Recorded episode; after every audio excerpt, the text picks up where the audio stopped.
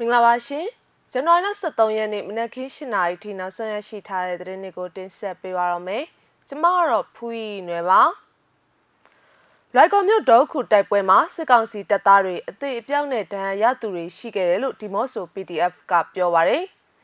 အရာရှိဟောင်းတွေပြူစောတီတွေရဲနဲ့စစ်သားတွေရဲ့ဇနီးတွေကိုတင်နန်းပေးနေတဲ့အရာတော်မျိုးအမှတ်30စစ်အခြေခံလေ့ကျင့်ရေးတပ်အတွင်းကို PDF ပူအောင်တက်ကအမြောက်နဲ့လက်နက်ကြီးလေးလုံးပစ်ခတ်ခဲ့တယ်လို့ထုတ်ပြန်ပါတယ်။ကတားမြို့နယ်မှာစစ်ကောင်စီကရဟရင်၃စီးနဲ့လာရောက်ပစ်ခတ်မှုကြောင့်နေအများအပြားမီးလောင်ပျက်စီးခဲ့တဲ့တရင်တွေအပါအဝင်မြတ်တကုံမြို့နယ်ငားမှန်အောင်ဖျားအနီးပစ်ခတ်မှုဖြစ်ပွားပြီးတဲ့နောက်စစ်ကောင်စီကနှစ်နာရီကျော်ကြာပိတ်ဆို့ရှာဖွေမှုတွေပြုလုပ်ခဲ့တဲ့တရင်ကိုလည်းတင်ဆက်ပေးဖို့ရှိပါတယ်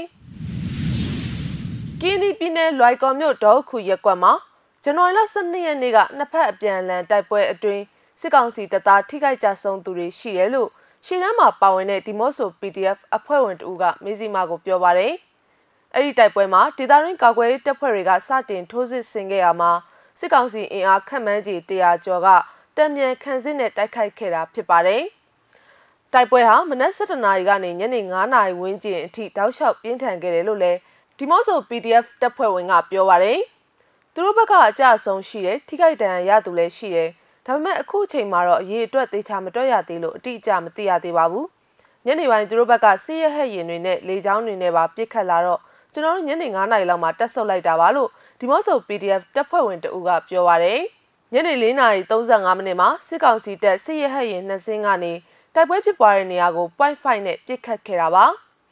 တိုက်ပွဲမှာဒေသရင်းကောက်ွယ်တပ်ဖွဲ့ဝင်တွေဘက်ကလက်နက်ကြီးလက်နက်ငယ်တွေနဲ့စစ်ကောင်စီရှိရာကိုပစ်ခတ်ခဲ့ပြီး စစ်ကောင်စီဘက်ကလက်နက်ကြီး60မမ .5 နဲ့79ကြီးတွေအသုံးပြုပစ်ခတ်ခဲ့တယ်လို့ဒီမော့ဆို PDF တပ်ဖွဲ့ဝင်တွေရဲ့ပြောကြားချက်အရသိရပါဗျ။တိုက်ပွဲအတွင်း KNDF နဲ့ဒီမော့ဆို PDF တပ်ရင်း H တို့ကပူးပေါင်းပြီးစစ်ကောင်စီကိုတိုက်ခိုက်ခဲ့တာဖြစ်တယ်လို့လည်းသိရပါဗျ။စကိုင်းတိုင်းအင်အားတော်မြို့နယ်အမှတ်30စစ်အခြေခံလေးကျင်ရေးတပ်စခတာ30အတွင်းကိုလက်နက်ကြီးလေးလုံးနဲ့ PDF ပူးပေါင်းတပ်တွေကပစ်ခတ်ခဲ့တယ်လို့အရာတော်ဘုံနိုင် PDF ကထုတ်ပြန်ကြေညာပါတယ်။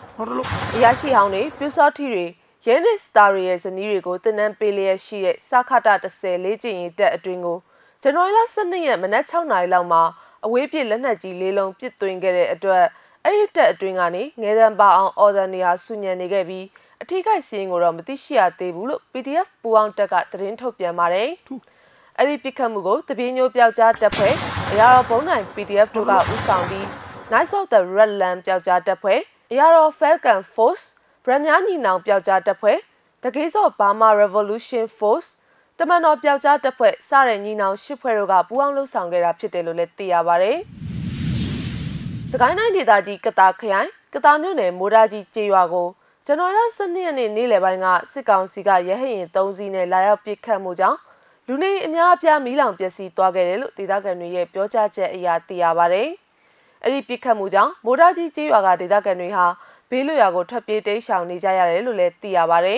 ။နေ့လယ်12နာရီလောက်ကမိုးတာကြီးကျေးရွာကိုရဟတ်ရင်၃စီးနဲ့လာပစ်သွားတယ်။လူနေအိမ်တွေလည်းလက်နက်ကြီးမှန်ပြီးမိလောင်ပျက်စီးသွားပါတယ်။မနက်ကဖုံးလိုင်းတွေဖျက်တောက်ခံရတယ်။ရွာသားတွေကတော့ဘေးလွရာကိုပြေးကုန်ကြပြီးလူထိခိုက်မှုရှိတယ်လို့လည်းကြားပါတယ်။စင်းရင်ကတော့ကောက်ယူနေကြတယ်လို့ကတားမြို့နယ်ဒေသခံတအူးကပြောပါတယ်။အဲ့ဒီဖြစ်စဉ်နဲ့ပတ်သက်ပြီး ကသာမြို့နယ်ပြည်သူ့ကာကွယ်တပ်ဖွဲ့ PDF ရဲ့ထုတ်ပြန်ချက်မှာမိုးဒါကြီးကျေးရွာကိုရဟရင်၃စီးနဲ့နေရာ၃ခုကိုဘုံသီး၁၂လုံးနဲ့စစ်ကောင်စီဘက်ကလာရောက်ကျဲချသွားခဲ့ကြောင်းထိခိုက်ပျက်စီးမှုများပြားကြောင်းထုတ်ပြန်ထားပါတယ်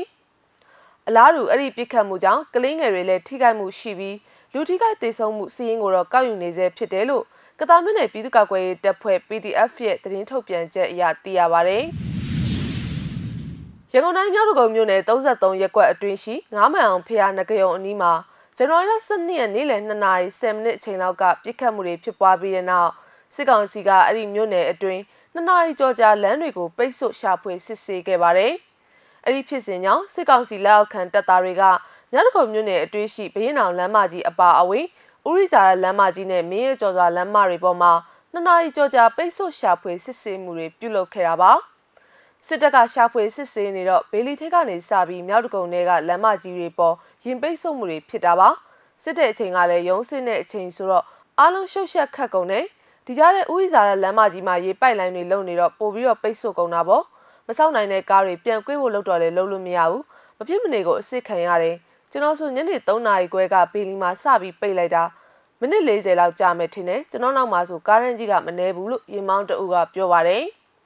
ပြစ်ခတ်မှုဖြစ်ပွားရာနေရာရှိပြည်သူ2ဦးကိုစစ်ကောင်စီကဖမ်းဆီးစစ်ဆေးနေတဲ့အပြင်ပြည်သူတအူးဟာတနတ်တန်ရာရရှိခဲ့တယ်လို့ကနအူသိရှိထားရပေမဲ့မစ္စည်းမအနေနဲ့တီးခြားအတည်ပြုနိုင်ခြင်းတော့မရှိသေးပါဘူး။အဲ့ဒီဖြစ်စဉ်ဖြစ်ပွားရာနေရာကိုမြောက်တကုံတောင်းကလာပါနဲ့သင်္ကန်းကျွန်းမြို့နယ်တွေအတွင်းကစစ်ကောင်စီလက်အောက်ခံတပ်သားတွေအလုံးအင်းနဲ့ရောက်ရှိလာပြီးတဲ့နောက်လမ်းပိတ်ဆို့ရှာဖွေစစ်ဆေးမှုတွေပြုလုပ်ခဲ့တာပါ။အလားတူသင်္ကန်းကျွန်းမြို့နယ်တိုးနာပြောင်စုပန်းချံအနီးမှာလည်းမ နေ့ကနေ့လယ်2နာရီအချိန်လောက်ကဘုံပေါက်ကွဲမှုဖြစ်စဉ်တစ်ခုဖြစ်ပွားခဲ့ပြီးမနေ့ကရန်ကုန်မြို့အတွင်းရှိမြို့နယ်တော်တော်များများမှာပိတ်ဆို့ရှာဖွေစစ်ဆေးမှုတွေပြုလုပ်ခဲ့ပါတယ်။မဇ္ဈိမ TV ရဲ့နောက်ဆုံးရသတင်းတွေကိုတင်ဆက်ပေးကြတာပါ။စောင့်မျှော်ကြည့်ရှုခဲ့ကြတဲ့ပရိသတ်တွေအားလုံးကိုကျေးဇူးအထူးပဲတင်ရှိပါရရှင်။